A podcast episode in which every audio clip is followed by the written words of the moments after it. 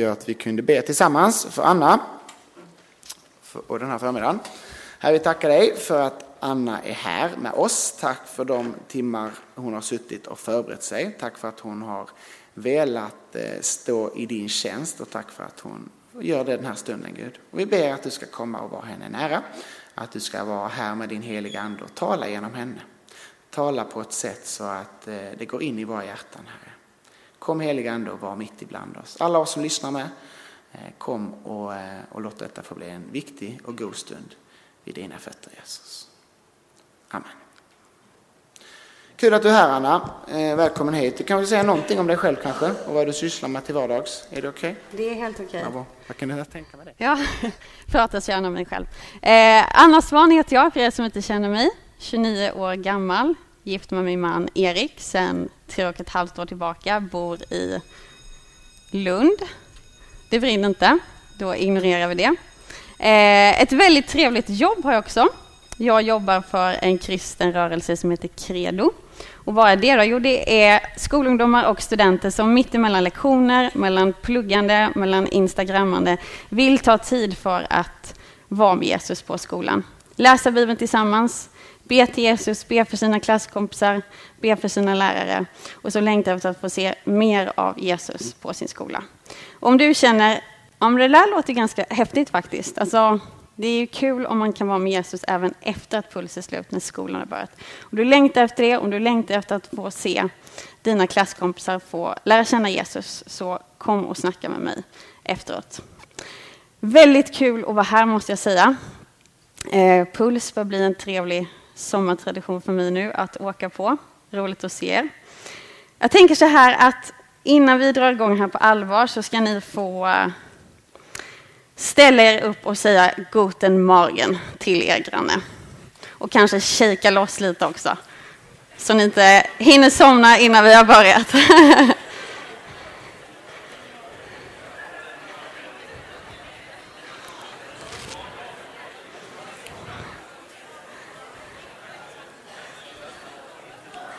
Jättebra, då kan ni få sätta er igen. Tänk vad kul det är med tyska, hörni. Allting blir så skojigt. Det är lugnt. Hörni, jag misstänker att eh, ni som sitter här nu, ni känner nog lite olika inför att vara här på Puls, på ett kristet läger. En del av er kanske har haft liksom topp tre sommar med Jesus. Ni har haft fantastisk bibelläsning, ett grymt böneliv, gått på underbara gudstjänster och härliga läger och ni känner att nu är det liksom sista växeln med Jesus rakt in i kaklet. Men jag tror också att det kan vara så att du kanske sitter här som känner att alltså vad blev det av min bibelläsning den här sommaren? Jag har typ inte läst någonting. Och vad blev det egentligen av mitt böneliv? Har typ inte pratat med Jesus på hela sommaren. Och du kanske känner dig, alltså vad har jag här att göra liksom? Men då vill jag säga till dig att Jesus, han är inte en sån typ av person som säger Nej, nu får du skylla dig själv. Liksom. Jag tänker inte möta dig på puls. Du har liksom ignorerat mig hela sommaren, så talk to the hand. Jesus är inte en sån, utan han står med öppna armar oavsett om du har haft superhäng med Jesus eller om det inte har blivit riktigt som du hade tänkt dig. Så står han med öppna armar och han välkomnar dig. Och det är liksom bara att springa rakt in till Jesus. Och han vill möta dig. Så det får du ha med dig, att du får komma till Jesus och se det här som en möjlighet att börja om med Jesus. En nystart inför hösten. Eh, vad är det för text vi ska titta på idag? Vet ni det? Kommer ni ihåg det? Eller är det fler läkarbesök som, som ska bokas in? Ja, det är alltså Markus 4, 1-20 som ni kollade på för en kvart sedan. Markus 4, 1-20. Och som ni då eventuellt märkte när ni läste den här texten så är det en ganska allvarlig text.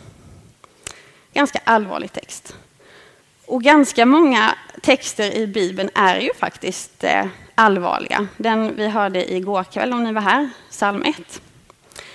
Och jag tycker det är så skönt. För det betyder, mina vänner, att Gud tar dig och mig på allvar. Alltså den kristna tron erbjuder inte lite så här tidsfördriv, lite pausunderhållning, utan Gud tar dig på allvar, Gud tar mig på allvar. Och därför tycker jag det är gött att Bibeln kan vara lite allvarlig ibland också. Och vem är det som talar till oss genom texten? Ja, men det är ju Gud. Och Gud är den som älskar dig allra, allra mest. Det fantastiska med Jesus är att han vet allt om dig, även dina mindre smickrande sidor. Han vet allt om dig och ändå är han den som älskar dig mest. Och det är honom vi får lyssna till idag. Eh, ganska många av mina vänner har fått barn och jag har träffat en del av dem här sommaren. Med allt från sex månader till fyra år. Och jag lade märke till något intressant och det är att de här barnen de är så sjukt misstänksamma mot sina föräldrar.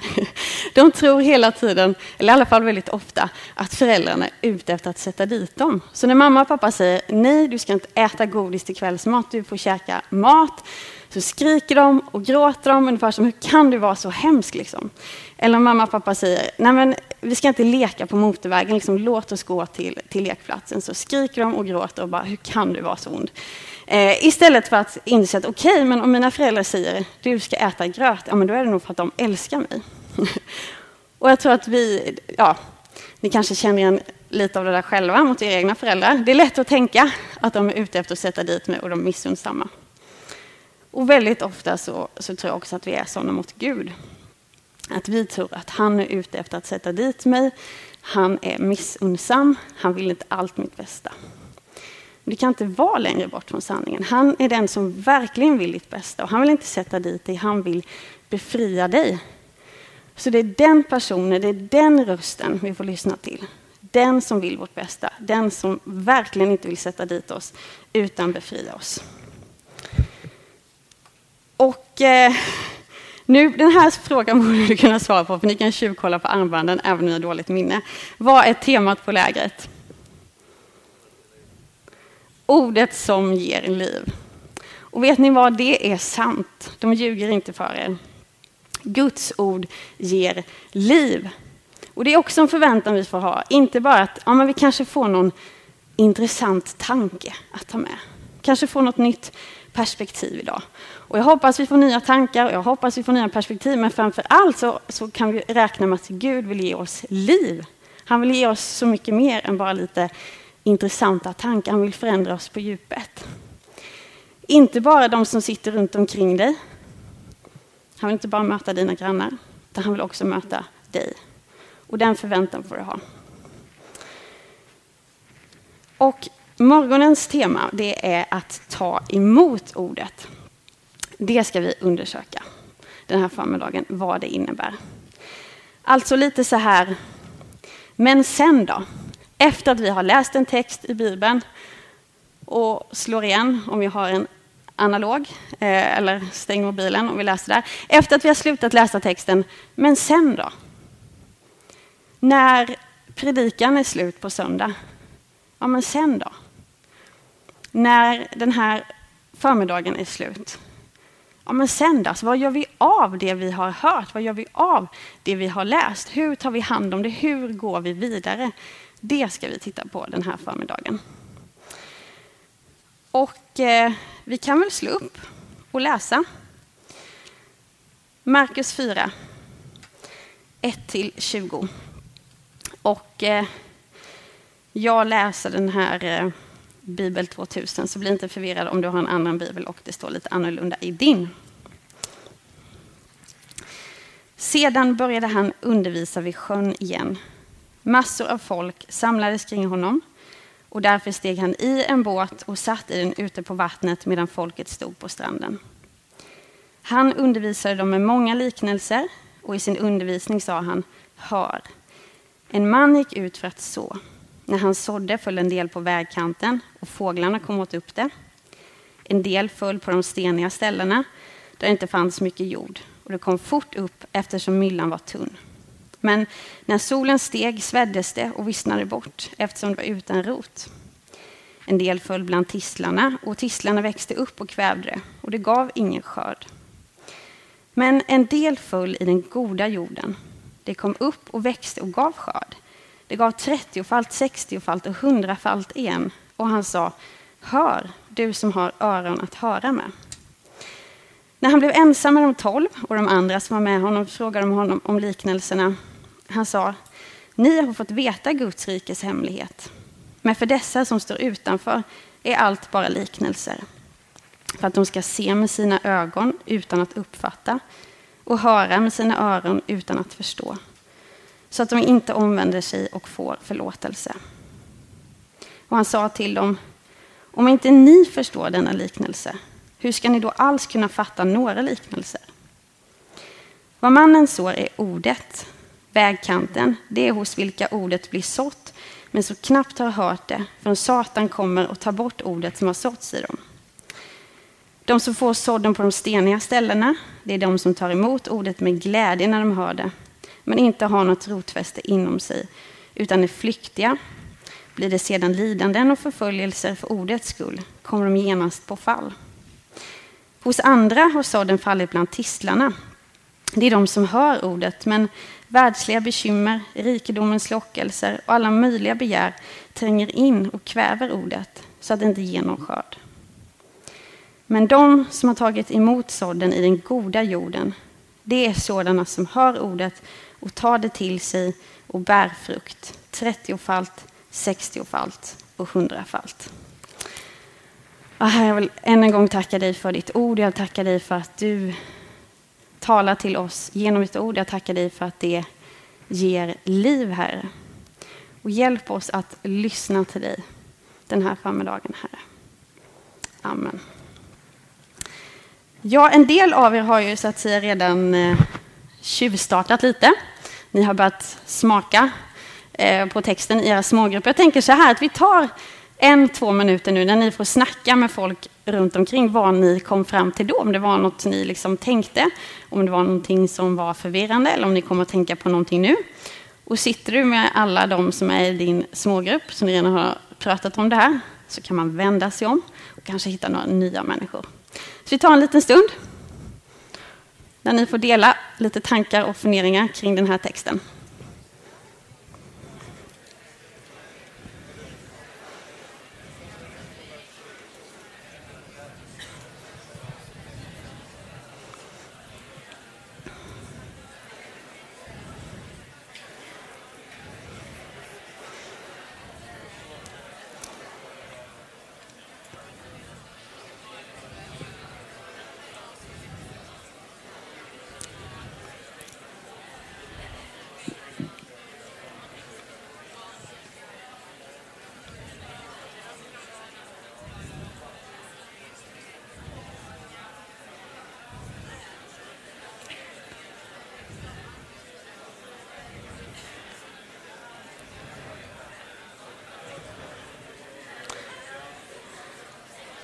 Så. Ni får eh, fortsätta samtalet eh, i eftermiddag. Ser vi det framför oss, hörni?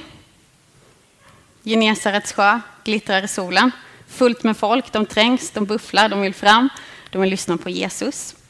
Och Jesus han har hoppat i en båt, dragit ut på sjön för att kunna undervisa därifrån. Och det är väldigt smart. Alla ni som har badat någon gång, kanske har badat den här sommaren, ni vet att när man är ute på vattnet, då hörs allting in på land. Och det kan vara ganska kul när man ligger på stranden och får höra både ja, det ena och det andra kanske. Lite, man tjuvlyssnar ju inte, men det blir ändå lite så. Det studsar tillbaka. Och lite jobbigare kan det vara om man är den som är ute där på vattnet och glömmer bort liksom, att det hörs. Och speciellt jobbigt är det om man pratar om någon som ligger på stranden, en snygg kille eller sådär. Eh, men Jesus vet om det här och han utnyttjar det här. Han vill att folk ska lyssna på honom, så han sitter där ute på sjön och folk står på stranden. Och vad säger han sen då? Om vi kollar i vers 3 och läser till. Vad säger Jesus?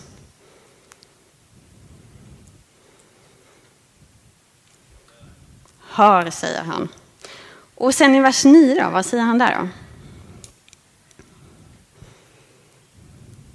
Hör, precis. Hör, säger han. Jag tror han säger samma sak till dig och mig. Hör, vakna. Och det här med att lyssna det kan vara rätt svårt ibland. Eh, man kanske sitter och funderar på oj, hur många plattor är det i taket? Eller undrar om jag ska ta hem liksom kubbturneringen eller vad ska jag ha på mig första dagen i skolan? Och speciellt svårt att lyssna kan det vara om man kanske har hört den här texten massa, massa gånger innan. Då kanske man tänker, ja men den här kan jag, liksom jag kan planera min, eh, ja, mitt projektarbete eller vad det nu kan vara. Men det spelar ingen roll om du har hört den här texten en gång, om du har hört den hundra gånger. Jesus säger hör. Och grejen med Guds ord, det är, inte, det är att det blir aldrig liksom sunkigt, det blir aldrig gammalt, utan det är alltid fräscht. Så även om Gud har talat till dig genom den här texten så kan han tala igen och igen och igen och igen och igen. Hör. Hör du som har öron att höra med sen till och med. Alltså typ, om du inte är döv så lyssna nu. Och varför då? då? Varför vill han så gärna att de ska höra? Jo, jag tror det är så här att det har blivit uppenbart att det här med att ta emot ordet, alltså det är inte så lätt för människor. Det här gensvaret, alltså det går lite si och så med det. Folk kommer och lyssnar på Jesus och de står där och trängs och så går de hem igen. Och frågan är, vad är skillnaden liksom från att du gick dit och till att du gick hem? Har det hänt någonting? Många människor kommer till Jesus och säger, jag vill följa dig. Och så händer det här och så händer det där och så liksom ser man dem aldrig mer. Så Jesus säger, hör, lyssna ordentligt, ta emot ordet och han vill lära oss hur vi ska göra det här på bästa sätt. Och jag tänker faktiskt att vi ska kolla på vers 11 och 12, för det var det som jag funderade mest på när jag satt med den här texten.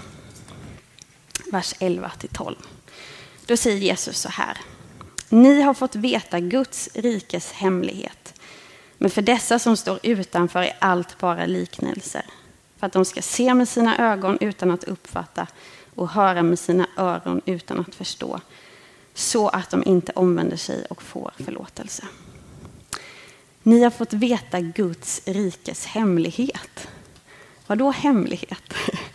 Är det liksom någonting väldigt så mystiskt som man eh, behöver någon extra upplysning för att förstå? Är det någon sådär hemlig kod man ska knäcka? Typ da Vinci-koden? Är det det Jesus pratar om? Nej, det är det inte. Jesus pratar om sig själv. Jesus pratar om sig själv. Det är han som är hemligheten. Och varför är det en hemlighet? Ja, det är för att Jesus är Guds rike. Han är Guds rike förkroppsligat. Och hemligheten är att Guds rike kommer på ett så oväntat sätt. Som liksom den här snickarsonen, Josef och Marias grabb. Det är Guds rike. Och Jesus säger Guds rike är här för att jag är här. Jesus säger Guds rike är här för att jag är här. Och människorna runt omkring de bara va? Vad sa du? Vi ser att till och med Johannes döparen han har lite svårt att få ihop det här faktiskt. Men så säger Jesus till sina lärjungar att ni har fått veta. Ni har fått veta hemligheten. Alltså Gud har gjort det möjligt för er att förstå vem jag är. Gud har gjort det möjligt för er och Gud har gjort det möjligt för er att lyssna till mina ord, att ta emot mina ord och därför också bli en del av riket. Och sen så citerar han ju eh, Jesaja. Det är lite så här kursiverat. Det betyder att han citerar någonting från Gamla Testamentet. Och då kan man undra, vad vill, alltså vill han inte att folk ska fatta vad han säger eller är han ute efter att förvirra människor? Men jag tror inte att han är det. Utan jag tror att han beskriver bara hur läget är helt enkelt. Att för de som har tagit emot Guds rike så ger Jesu undervisning ljus på saker och ting. Alltså man bara, aha, oho, okej, nu fattar jag mer om Gud. Men för de som inte har tagit emot Jesus och blivit en del av riket så, så är det som Jesus säger, ja, men det är bara berättelser, det är bara liknelser. Och kanske känner du igen det, jag vet att jag känner igen det, och många med mig också, att när man tog emot Jesus så bara helt plötsligt hände någonting, plong! Poletten trillade ner. Och när man läste Bibeln så bara, jaha, okej, det handlar om Gud. Och det blev jättespännande. Och man lyssnade på predikningar, det var inte tråkigt längre. Och jag tror det är det han beskriver här, att för dem som har blivit en del av riket så ger Jesu undervisning ljus på vem Gud är. Och för de som ännu inte är en del av riket så ja, ger det inte samma förståelse helt enkelt. Men det är inte heller så att det är liksom vattentäta skott, att antingen är du insider eller outsider, utan vi ser att några av dem som var liksom insiders här, de kunde sen faktiskt välja att gå bort från Jesus och lämna Jesus, som till exempel Judas. Och andra som vid det här tillfället stod utanför, de kunde sedan välja att omvända sig, komma till Jesus och bli en del av riket. Och det här med liknelser, alltså det kanske bara är jag, men jag tänker lätt att det är små gulliga berättelser liksom, som eh, man kan hålla på med i söndagsskolan och så kan man ta någon fin liten gullig mening, någon moralkaka, typ fånga dagen liksom, och kanske till och med brodera det och sätta upp det på väggen. Alltså någonting pluttigt, gulligt, lite sött liksom, som har någon fin tanke att ta med. Men det är inte grejen med liknelserna. Liknelserna handlar om Guds rike. Det är det de handlar om. Liknelserna handlar om Guds rike. Och I liknelserna så hjälper Jesus oss att se vad det är som händer när Gud börjar regera. Det är det vi får reda på. Och Den här liknelsen då, som vi ska kolla på idag, vad kallas den i era biblar? Och ni får gärna, när ni läser får ni gärna säga det högt.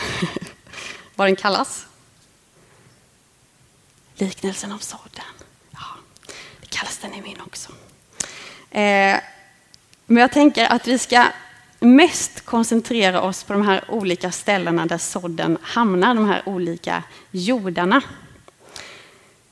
Och jag tror att när Jesus, ni vet, han sitter där i sin båt, fullt av folk på stranden. Han säger hör, vakna. Det jag tror att Jesus vill att de ska fundera på är frågan vilken jord är jag? Och det är samma fråga som vi också får fundera på den här förmiddagen. Vilken jord är jag? Inte vilken jord är hon, inte vilken jord är han, inte vilken jord är eh, prästen jag brukar möta, utan vilken jord är jag? Och jorden, det är en bild för våra hjärtan. Så det Jesus vill är att vi tar en till på våra, titt på våra hjärtan helt enkelt. Och det, det djupa sett handlar om är vilken relation har jag till Gud? Vilken relation har jag till min skapare? Hur ser den egentligen ut? Och det finns fyra olika sorters jord, inte sant? Och ska man vara lite sådär petig så kan man säga att egentligen finns det bara två olika sorters jord. För det finns tre olika sorter som inte ger någon skörd. Och så finns det en sort som ger skörd. Och Jesus säger också att när det väl ger skörd, alltså då blir det någonting i hästväg. Han säger det blir 30-falt, 60-falt och till och med 100-falt.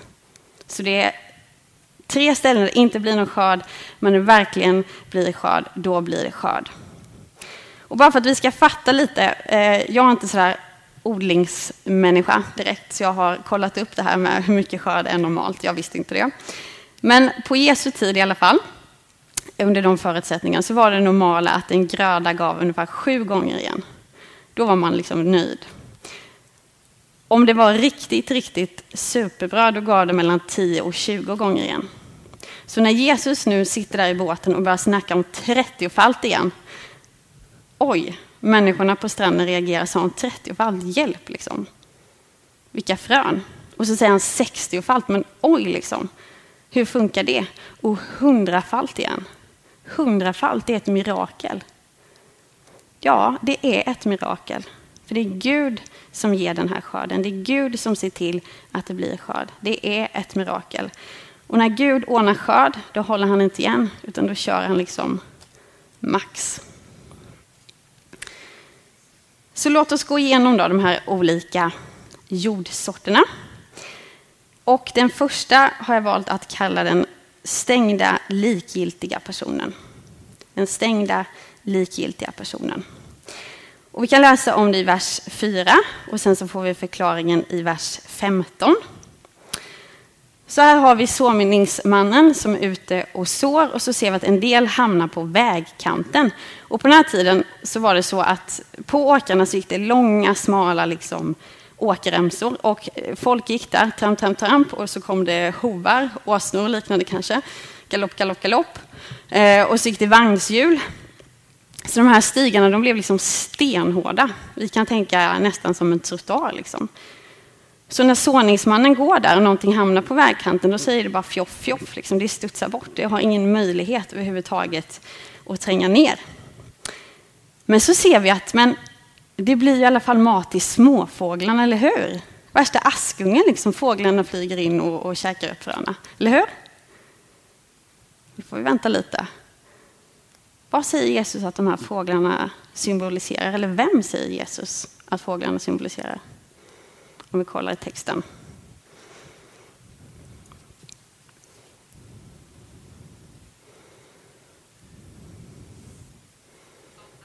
Precis, Satan.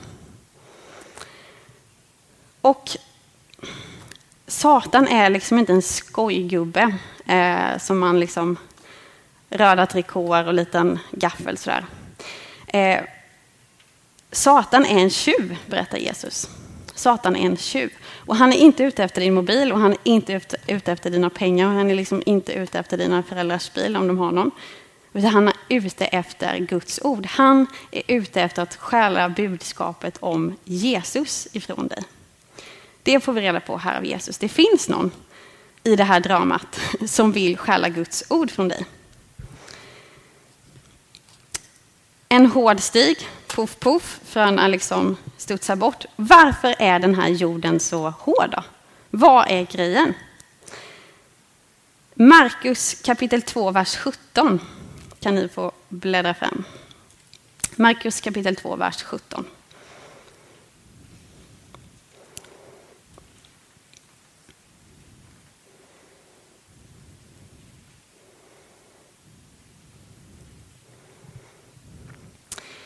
Jesus hörde det och sa, det är inte de friska som behöver läkare, utan de sjuka. Jag har inte kommit för att kalla rättfärdiga, utan syndare. Så det Jesus säger här till de religiösa ledarna är liksom, hallå, kolla, jag har inte kommit till de människorna som liksom tänker att de kan allting själva. Jag har inte kommit till de som tänker att de är goda och fina och bra. Jag har kommit till de människorna som har insett att de inte kan själva. Jag kommer till de människorna som inser att de behöver en frälsare. Till de som har insett att de behöver Gud. Det är de jag har kommit för. För vad är egentligen kvalifikationen för att bli en kristen? Om vi kollar i Bibeln. Är det att man är en liten åh, liksom, saint? Jätteduktig, jättegod, jättefin? Nej. Kvalifikationen för att bli en kristen är att man har insett att man inte är sån. Att man behöver hjälp. Så grejen med den här hårda jorden, de här stängda likgiltiga personerna, det är just att de tänker I'm a good guy. Alltså jag är en bra människa. Jag är verkligen inte sämre än någon annan och folk gillar mig. Liksom. Det är många som tycker om mig. Och, alltså jag är säker på att om Gud finns så kommer han acceptera mig. Han ska vara glad liksom, för att han får mig. Eh, och ja, de kristna pratar om att Jesus vill ge förlåtelse. De kristna pratar om att vi kan få nytt liv genom din heliga ande. Och det är ju jättebra, men jag behöver inte förlåtelse. Jag behöver inte något nytt liv. Alltså, Jesus, ja. Schysst moraliskt exempel liksom. Men alltså, jag är bra nog i mig själv. Man är helt stängd för möjligheten att Gud ska tala. Helt stängd för möjligheten att Gud skulle ha någonting att säga som är relevant för mig, som jag behöver höra. Och det här tror jag kan vara människor som... Eh, alltså att man kan ha det som en livsstil och att man kan liksom syssla med det här i kyrkan. Man kan gå på gudstjänst söndag efter söndag efter söndag och när predikan är slut och det är måndag så är det liksom som att ingenting har hänt. Allt har bara runnit av en. Man är stängd. Är det då kört med den här hårda, hårda jorden? Liksom? Nej, det tror jag verkligen inte att det är. Eller det är det inte. Utan den här hårda jorden, den kan mjukas upp. Men det behöver brytas ner och så kan den bli mjuk igen. Och så kan Guds ord hamna där och så kan den bära frukt. Vi ska ta en person till här innan vi tar paus. Och den här personen har jag valt att kalla för, ni kanske har bättre namn sen förresten, får ni eh, säga dem till mig. Men jag har valt att kalla den för den entusiastiska men kortlivade personen. Den entusiastiska men kortlivade personen. Och nu har vi liksom ändå ett jordtäcke att jobba med här, säger Jesus. Vi har ett tunt jordtäcke som ligger över stenarna. Stenarna blir varma i solen, jorden blir varm av stenarna. Så när fröet hamnar i jorden så bara pff, skjuter upp jättesnabbt. Och rötterna skjuter ut jättesnabbt. Men då finns ju ett problem såklart. Det är att rötterna har ingenstans att ta vägen. Utan de ligger mer eller mindre fritt i solen och solen bränner sönder dem. Och så vissnar det ner. Så blir det ingenting av det. Och den här entusiastiska men kortlivade personen, det är den personen som fattar. Alltså den här personen fattar grejen. Den fattar grejen med syndernas förlåtelse. Det gör intryck om man tänker Yes, Jesus dog för mig. Det är ju helt fantastiskt, kan ni fatta? Eh, man är superglad för det här. Men så har vi vår lilla fågeltrupp, Satan, någon som vill ta ordet från oss. Och han slutar liksom inte här. Och han vill att vi ska vara ytliga i tron, ha rötter som bara ligger där och guppar lite på ytan. Han vill att vi ska vara ytliga i tron. Och vad kan det handla om att vara ytlig i tron? Ja, det kan handla om att man tänker att ja, men Gud är god. Alltså, det jag kan förvänta mig nu som kristen, det är bara ett underbart liv. Jag har signat upp mig på en räkmacka. Fy vad gött. Men saken är den att som kristen, smekmånaden tar slut. Förr eller senare i den här trasiga världen, förr eller senare tar vår smekmånad slut och vi tvingas liksom växa upp som kristna. Och Jesus säger i vers 17 att när sen bedrövelse och förföljelse kommer, alltså Jesus säger det kommer komma, det kommer komma. Och så vill den onde liksom få oss att tänka att Jesus är inte värde. Jesus är inte värd de här bekymren som följer med att, att eh, tillhöra honom. Han är, alltså det, ja, det är sant. Jag tror det är sant. Men han är inte värd det. Och liksom, men det var inte det här jag hade tänkt mig. Jag hade inte tänkt mig att folk skulle tycka att jag var annorlunda eller folk skulle liksom vara emot mig för att jag är kristen. Alltså, jag testar aerobics istället. Liksom. Eller vad det nu kan vara. Eh, för det är liksom inte räkmackan Jesus erbjuder, utan någonting annat. Och vi ser såna här entusiastiska men kortlivade personer också i Bibeln. Det finns en berättelse, det kommer en rik ung man till Jesus och bara ah, jättepå, jag ska följa dig, jag ska följa dig, kom on, liksom, när kan vi gå? Och Jesus säger, ja ah, men du, gå först och sälj allt du äger och kom tillbaka sen. Tror ni han kommer tillbaka? Nej, det gör han inte. Allt är bara entusiasm och Jesus ser det. Jesus vet att när det blir liksom långa jobbiga dagar, när vi får folk emot oss, när han inte har någon mjuk, skön, varm säng att gå hem till, han kommer inte palla trycket. Entusiasmen kommer dö. Och jag är så extremt ledsen över att säga att jag har sett det här så många gånger. Kanske har du också sett det. Jag hoppas av hela mitt hjärta att du inte har sett det. Men det händer att helt plötsligt någon kommer till tro jättesnabbt, är så entusiastisk, är så på, är så pepp. Och så helt plötsligt så undrar vi, var tog den där människan vägen? Och det är lite så här, ja en varning faktiskt skulle jag vilja säga till oss alla. Att det är inte att entusiasmen som är grejen. Frågan är inte hur på är du, frågan är inte hur på tror andra att du är. Utan frågan är hur djupt ner går dina rötter? Hur djupt rotad är du i Gud? För det intressanta är ju inte kanske hur entusiastisk du är nu, utan det intressanta är hur entusiastisk kommer du vara om 10 år, om 20 år? När du är 50 liksom, och den enda på din arbetsplats som följer Jesus, kommer du då vara entusiastisk för honom? Kommer du då älska honom? Kommer du då tjäna honom? Hur bygger vi liksom? Och nu blir det en liten twist här förstår ni, för nu kanske du sitter här och tänker, ja men det där gäller inte mig. Jag har djupa rötter, jag är goda kristna sammanhang, jag är safe. Men vet du vad? Då får man se upp. Så man inte får det där hårda hjärtat. Som tänker att jag kan allt och jag vet allt. Är det fel med entusiasm? Nej, självklart inte. Det är underbart med entusiasm. Jag önskar att jag skulle få se mer av entusiasm för Jesus i andras liv och i mitt eget liv. Men väldigt ofta tyvärr så är det så att entusiasmen sker liksom på bekostnad av djup. Och entusiasm och djup, they need each other. De måste gå hand i hand. För annars så ser vi här att det, det vissnar bort. Och den här sista kategorin, den goda jorden, de är också människor som är väldigt entusiastiska. Men de är inte bara entusiastiska för allt det härliga och allt det underbara, de är entusiastiska för Gud och hans ord och liksom frossar i det och lever av det och har det som sin diet.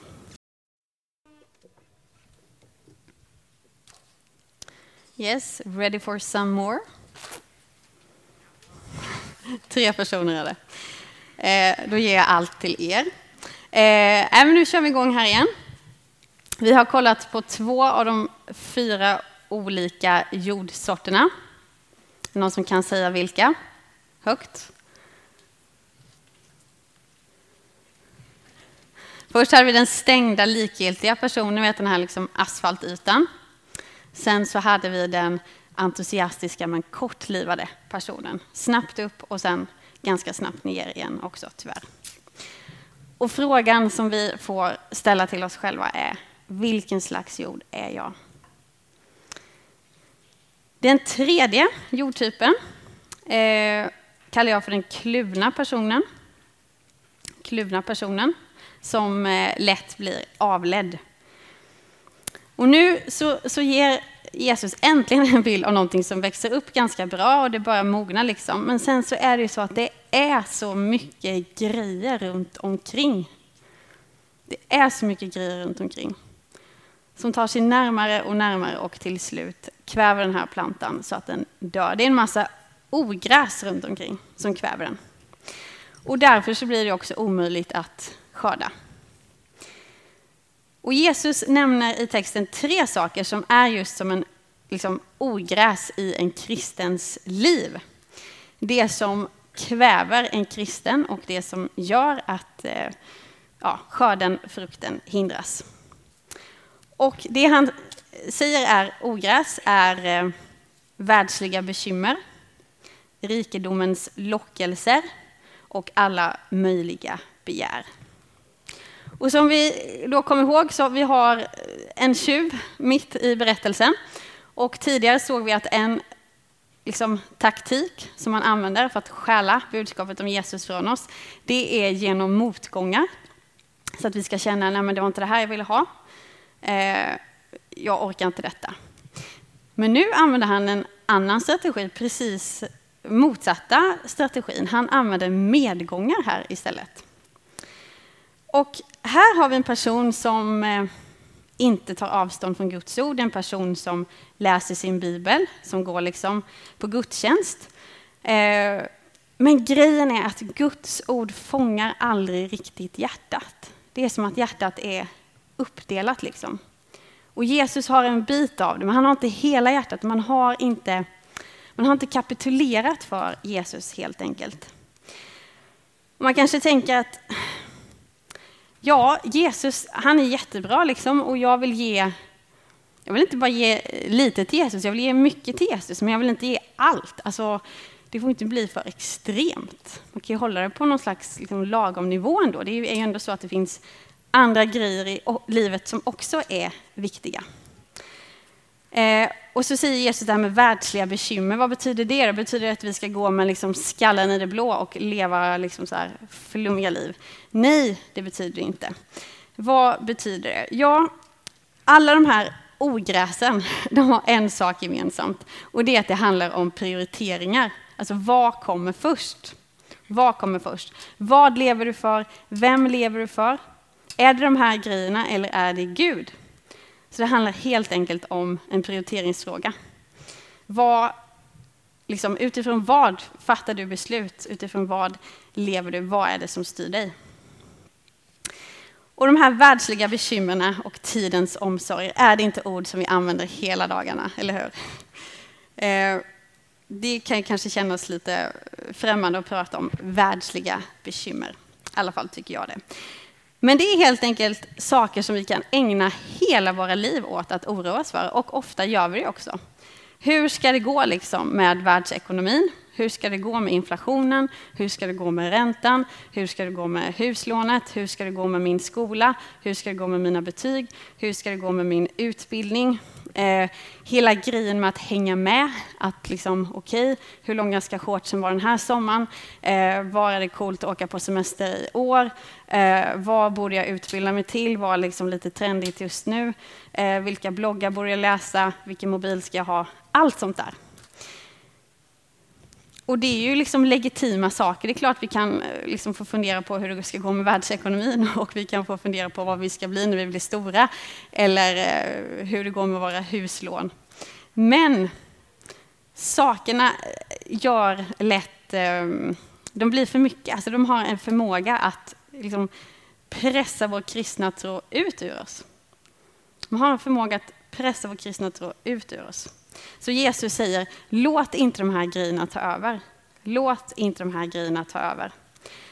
Och jag kan förstå varför han säger det, om jag ska vara ärlig mot mig själv. Jag tycker det är lätt att de här grejerna kommer att ta över och man glömmer bort vad det är som är viktigt i livet. Alltså det är så lätt att bli uppslukad av saker så att man glömmer bort det som är viktigt. Man kanske glömmer bort människorna runt omkring sig. Nej, men jag hinner inte prata med dig, jag måste plugga nu. Liksom. Jag kan tyvärr inte vara med dig, jag kan inte hjälpa dig. Eh, gå härifrån mamma, jag ska läsa. Eh, pang liksom. Eh, man blir så uppslukad av allt det här och så glömmer man bort det som är viktigt. Man glömmer bort relationer till människor, man glömmer bort relationer till Gud, för det kommer att ta över. Sen så säger han rikedomens lockelser, ett annat ogräs man ska se upp för. Och ja, let's face it, jag tror att vi gnäller över pengar mer än vad vi gnäller över någonting annat. Eh, saker är för dyrt, vi har för lite att röra oss med.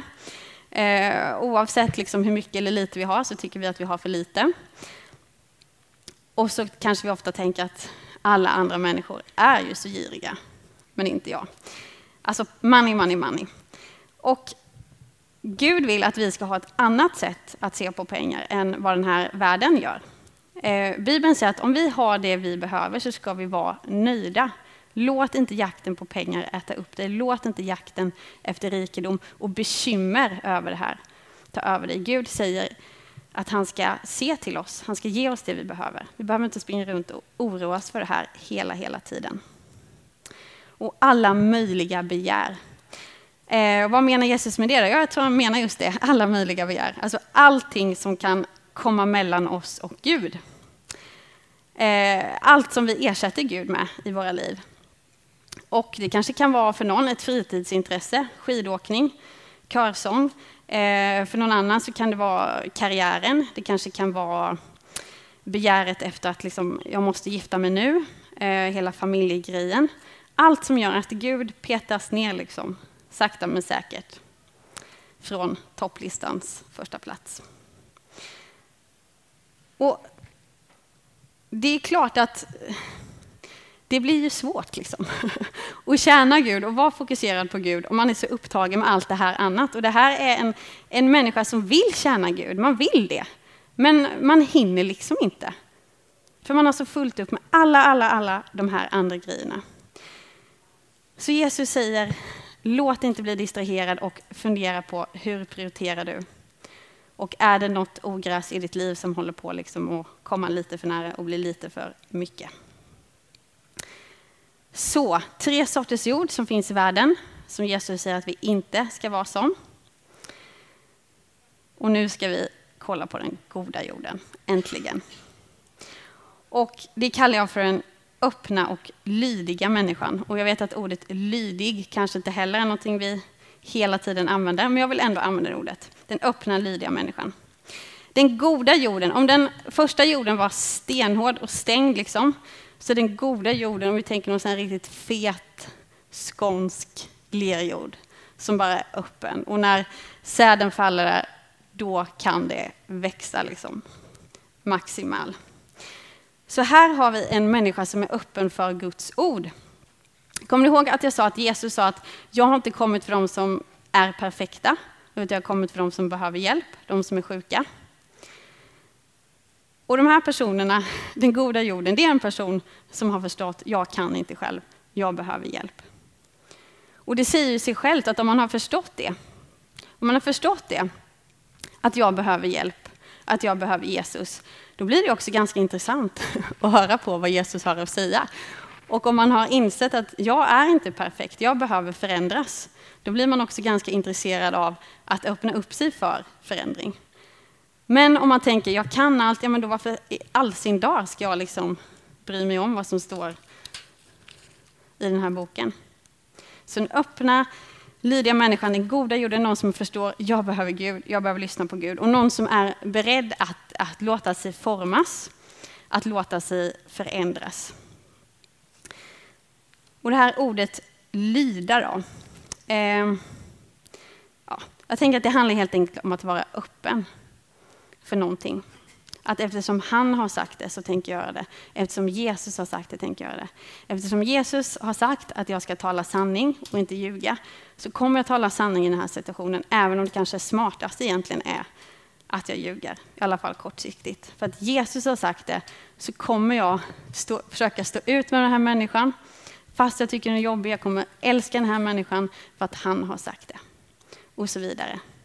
Jag vill bara göra saker för att han har sagt det. Och att vara öppen och lydig, det, det är liksom, hänger ju självklart ihop. Alltså det blir väldigt märkligt om man säger nej men jag är så sjukt öppen för Guds ord, men jag tänker inte göra som det står. Nej men jag är jätte, jätteöppen, men jag tänker inte liksom låta det förändra mitt liv. Alltså det funkar inte riktigt så. Så Jesus säger att när vi närmar oss Gud och hans ord med en attityd av ödmjukhet, det vi sjöng här om. Jag tror det var första låten. När vi närmar oss Gud med en attityd av ödmjukhet, med en attityd av, vet du vad, jag kan inte själv, jag behöver dig. Då kan det bli skörd, säger Jesus. Då kan det bli skörd. Och jag tror att det handlar också väldigt, väldigt mycket om att fatta vem Jesus är. Att få ana vem han är, att ha honom som sin lilla liksom my precious. Att ha honom som sin skatt. För om Jesus är vår skatt, om han är vår precious, då spelar det liksom ingen roll om vi har motgångar, för då kommer vi ändå känna att jag har Jesus och så länge jag har Jesus så är det ändå bra någonstans. Och då kommer liksom inget jobb eller inga pengar eller ingen fru eller ingen man i hela världen kunna dra bort oss från Jesus för att vi har liksom, nej men jag måste ha honom, liksom. han är min skatt och så länge jag har honom är jag nöjd. Och Paulus pratar om det här. Han säger att innan han kom till tro så hade han en massa saker som han var jättestolt över, som var jättebra. Men när han lär känna Jesus så säger han, alltså kasta dem på sophögen. Det är skit. Jag har insett att i jämförelse med Jesus så är det här skit. Och det är en bön som jag har för alla här, så att vi skulle förstå mer om vem Jesus är och få ana hans skönhet och få förstå mer och mer att ja, men det här är ju sant. Och förstå mer och mer att Jesus är underbar och han är ljuvlig.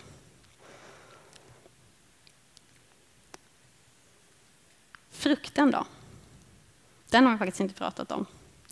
Eh, det handlar ju om, alltså det är någonting bra när det blir skörd. Vad är den här frukten för någonting? Är det liksom att göra och uppnå massa fantastiska saker? Är det kanske att eh, ja, göra någon slags karriär i kyrkan? Liksom? Eh, bli någon slags kyrkokändis. Jag växte upp i Småland och där var det väldigt mycket frikyrkor. Där brukade vi prata om frikyrkokändisar. Eh, det kanske det som är frukt, liksom, att man blir någon att räkna med i kristna sammanhang. Nej, faktiskt inte alls. Faktiskt inte alls. Det handlar om karaktär. Frukten är att du och jag blir mer lika Jesus och får mer av hans sinne, så får mer av hans attityd. Hans attityd till Gud, hans attityd till medmänniskor, hans attityd till oss själva, hans attityd till hela skapelsen. Det är vad det handlar om. Att tänka som han mer och mer, att känna som han mer och mer, att älska som han mer och mer. Och har ni tänkt på att det den här texten säger, det är faktiskt att det är möjligt att bli mer lik Jesus. Den här texten säger det, att det är faktiskt möjligt att bli mer lik Jesus. Och då kan man känna, oj, hur ska det gå till? Det vore ett mirakel. Ja, det vore ett mirakel. Och det är Gud som gör det, det är Gud som ger frukten. Det är Gud som förvandlar oss. När vi umgås med Jesus, när vi följer honom, när vi lyssnar till honom, så säger den här texten att då får vi bli förvandlade, då får vi bli mer och mer lika Jesus. Så texten handlar om vilka hjärtan har vi? Men den handlar också om vad händer när vi sår ut ordet? Om vi får för oss att, eh, till exempel på skolan kan vi ta som exempel att vi ska ha en utåtriktad satsning. Vi ska köra bokbord eller vi ska köra eh, tipsfrågor eller vi ska liksom bjuda på någonting och snacka om Jesus. Vad kan vi förvänta oss för resultat? Ja, vi kan förvänta oss det här resultatet. Vi kan förvänta oss ett väldigt liksom, mixat resultat. Vi kan förvänta oss att vissa människor kommer bara gå förbi och tycka vi är helt dumma i huvudet. Eh, kanske komma fram och ställa lite spydiga frågor. Eh, andra personer kanske kommer vara jättenyfikna, jätteintresserade, men sen ja, försvinna bort lite. Och så vidare. Men det vi kan räkna med det är att det kommer också bli frukt. Det kommer bli skörd. Det står i Bibeln att Guds ord, det är liksom, sås aldrig ut förgäves. Det gör alltid någonting. Det gör alltid någonting. Och därför kan vi liksom köra på och så ut. Vi kan inte räkna med att alla kommer bara säga åh vad bra, jag vill bli en kristen nu. Det gjorde de inte ens till Jesus och då kanske de inte heller kommer göra det till oss. Vi kan förvänta oss ett mixat resultat men det betyder inte att, åh nej, eh, inte, alla tyckte inte det här var underbart, var det misslyckat? Nej, det var inte misslyckat. Utan vi får frimodigt så ut och så ut. Och vi får räkna med att det kommer bli skörd. Och vi vet inte hur, och vi vet inte i vem, och vi vet inte i när. Men när vi sår ut Guds ord så blir det en skörd. Och Gud är på gång i den här världen och han sår ut i den här världen. Och ibland så får vi den stora, stora förmånen att få haka på honom i det här. Sen är det så att Gud gör det här också utan oss. Så att vi kan liksom ibland sova och ta det lugnt.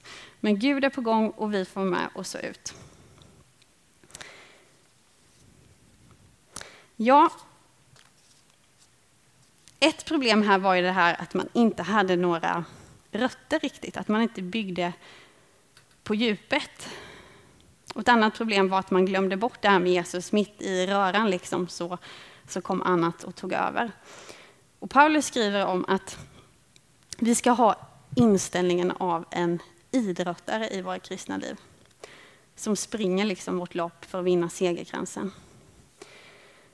Och om ni vet någonting om elitidrottare så vet ni att de gör ibland riktigt liksom märkliga grejer för att de ska vinna, för att de ska bli bra. Alltså de kämpar och de sliter och de är helt fokuserade på nästa OS eller nästa VM och det är allt de lever för. Och de inrättar sina liv efter det. Och de bara ser det här framför sig och tänker på det. Och likadant får det vara för oss kristna också. Vi får ha liksom blicken fäst på målet. Att vi ska få komma till Jesus, bli fullständigt helade och leva i liksom, ja, han ska torka vår tår som Martin sa och så ska vi kunna säga jag vann, jag vann. Det är det vi får tänka på. När allt annat vill komma och ta över och när det är jobbigt får vi tänka på det. Och det betyder inte att man är flummig eller världsfrånvänd utan vi får tänka på det och påminna varandra om och varandra om det. Och sen är det också så att Jesus, han vill ha en relation med oss. Det är där vi bygger.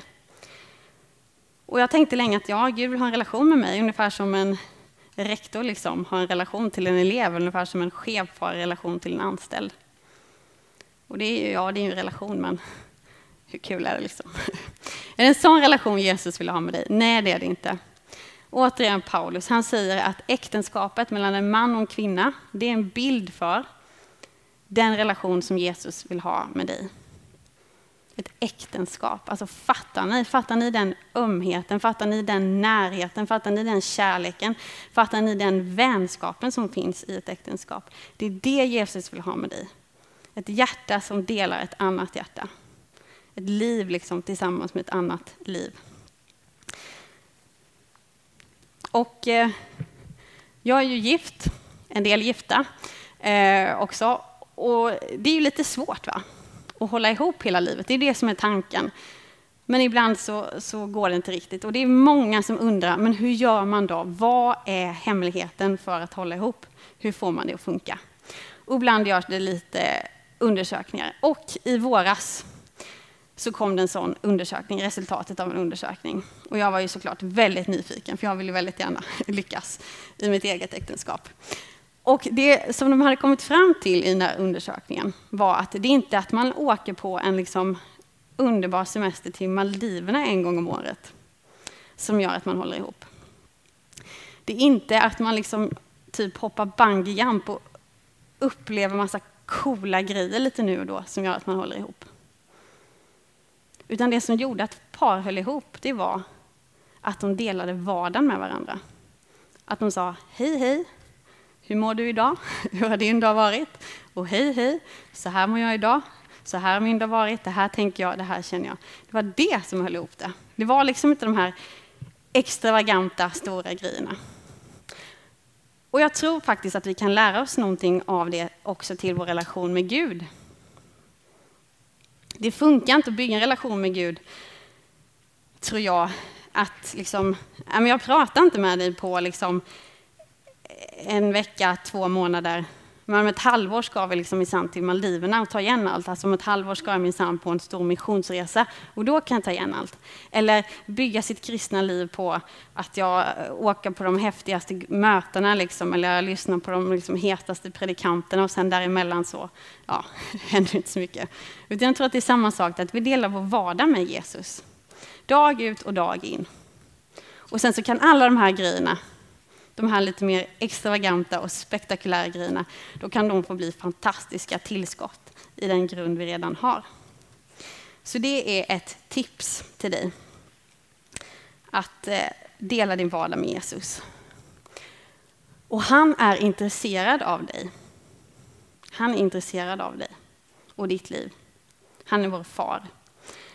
Och när jag var tonåring så kunde mina föräldrar fråga mig så här, ja, hur har det varit i skolan idag, Anna? Mm. Eh, ska du göra någonting i eftermiddag? Mm. Eh, händer någonting annat kul i ditt liv då? Mm. Eh, alltså, jag bara grymtade liksom till svar ganska ofta. Och eh, om någon någon gång frågade hur var det i skolan idag och jag svarade bra, det var liksom så här, wow, vi får ett svar.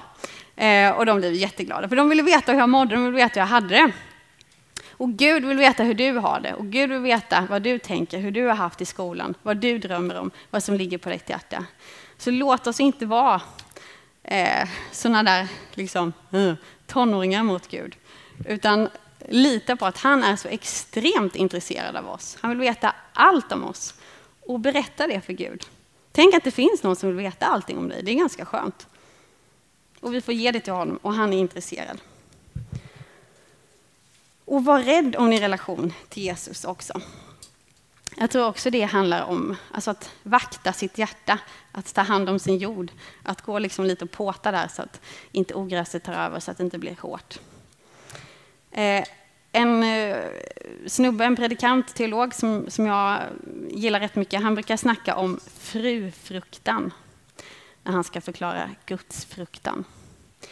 Vad betyder frufruktan? Ja, det betyder att han är liksom inte rädd för sin fru, utan han är rädd om deras relation och han är rädd om sin fru.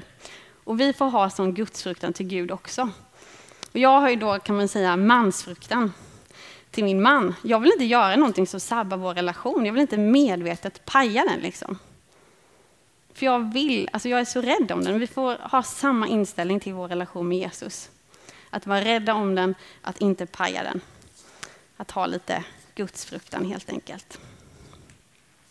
Så vill du veta vad Jesus vill ha för relation med dig, du som kanske redan har en och du som kanske funderar på hela prylen med att bli kristen. Kolla in ett gift par som har ett riktigt, riktigt gött äktenskap fyllt med massa kärlek. Så får du reda på vilken relation det är som Gud vill ha med dig och vad han vill ge dig. Att ta emot ordet. Ja, vi har sett att det handlar väldigt mycket om att att vara följsam, att vara öppen, att lyda, att inte bara slänga igen sin bibel. Man behöver inte slänga, man kan stänga försiktigt.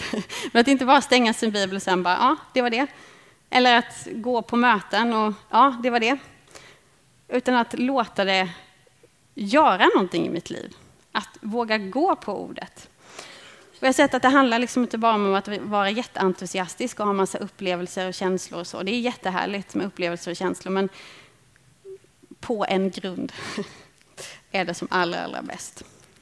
Läs Bibeln tillsammans. Läs den själv, läs den med andra. Jag tycker det är tio gånger roligare att läsa Bibeln med andra än med mig själv. Och är det sån, gör det. Be till Jesus. Prata med Jesus. Ta emot ordet. Ja, att våga låta sig påverkas, att våga låta sig förändras. Att göra någonting därför att han har sagt det Att göra någonting därför att han har sagt det. Och han är min skatt och jag tänker hålla mig till honom.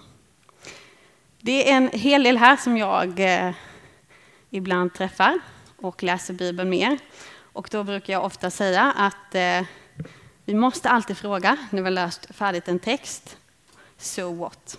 Eller och, om man vill prata svenska. Men jag tycker so what låter lite bättre. Eh, jag är väldigt noga med det och petig med det och tjatig med det.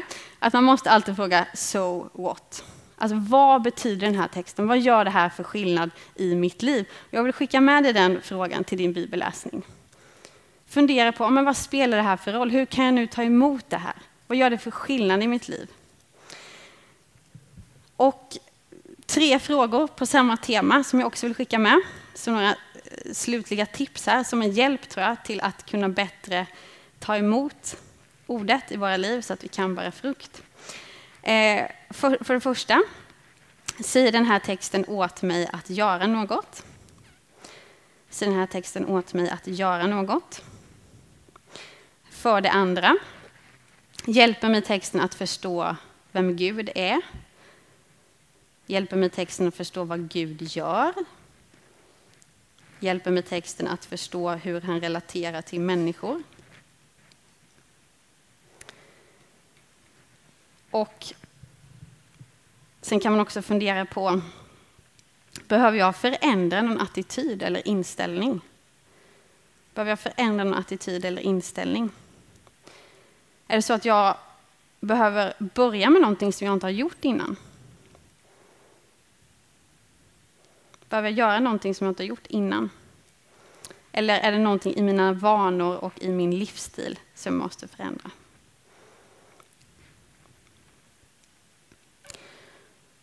Och här får vi ju i denna vandring, i denna process, ta hjälp av varandra. Det är det som är så gött med Kristi kropp, att vi är liksom inte ensamma i det här, utan vi har varandra och får bygga upp varandra. Och det var det hela. Och jag skulle vilja avsluta med en bön och tacka er också för att ni har lyssnat så fint. Jag hoppas att ni har verkligen lyssnat nu. Tack Gud för ditt ord. Tack för att det är levande och verksamt, Herre. Och jag ber Gud att det skulle få tränga in i våra hjärtan, Herre. Jag ber att vi skulle våga lita på dig, Herre. Att vi skulle våga lita på att du är god. Att vi skulle våga lita på att din vilja vill vårt bästa, Herre. Och att det smartaste vi kan göra är att följa dig, Herre. Hjälp oss att våga lita på att ditt ord är sanning, Herre. Och att sanningen är det som gör oss fria, Herre. Låt det vi har fått höra här idag, Gud, landa i oss, Herre. Och jag ber att du ska göra någonting gott av det, Herre. Jag tackar dig också för att det är möjligt, Gud, att, att komma till dig, även om vi kanske har stått utanför. Tack för att det är möjligt för oss här att få bli mer lika dig, Herre. att vi kan få bli de du har skapat oss till att vara, Gud. Tack för att du inte vill göra oss till någonting konstigt, utan tack för att du vill göra oss till mig, till så mycket Anna som det bara går, till en så äkta Anna som det bara går och alla andra också här inne, Herre. Du vill göra oss till oss själva, Herre. Och ta bort allt det som, som förstör Jesus. Tack för den här dagen. Välsigna oss och låt oss ha en rolig dag, Gud. Amen.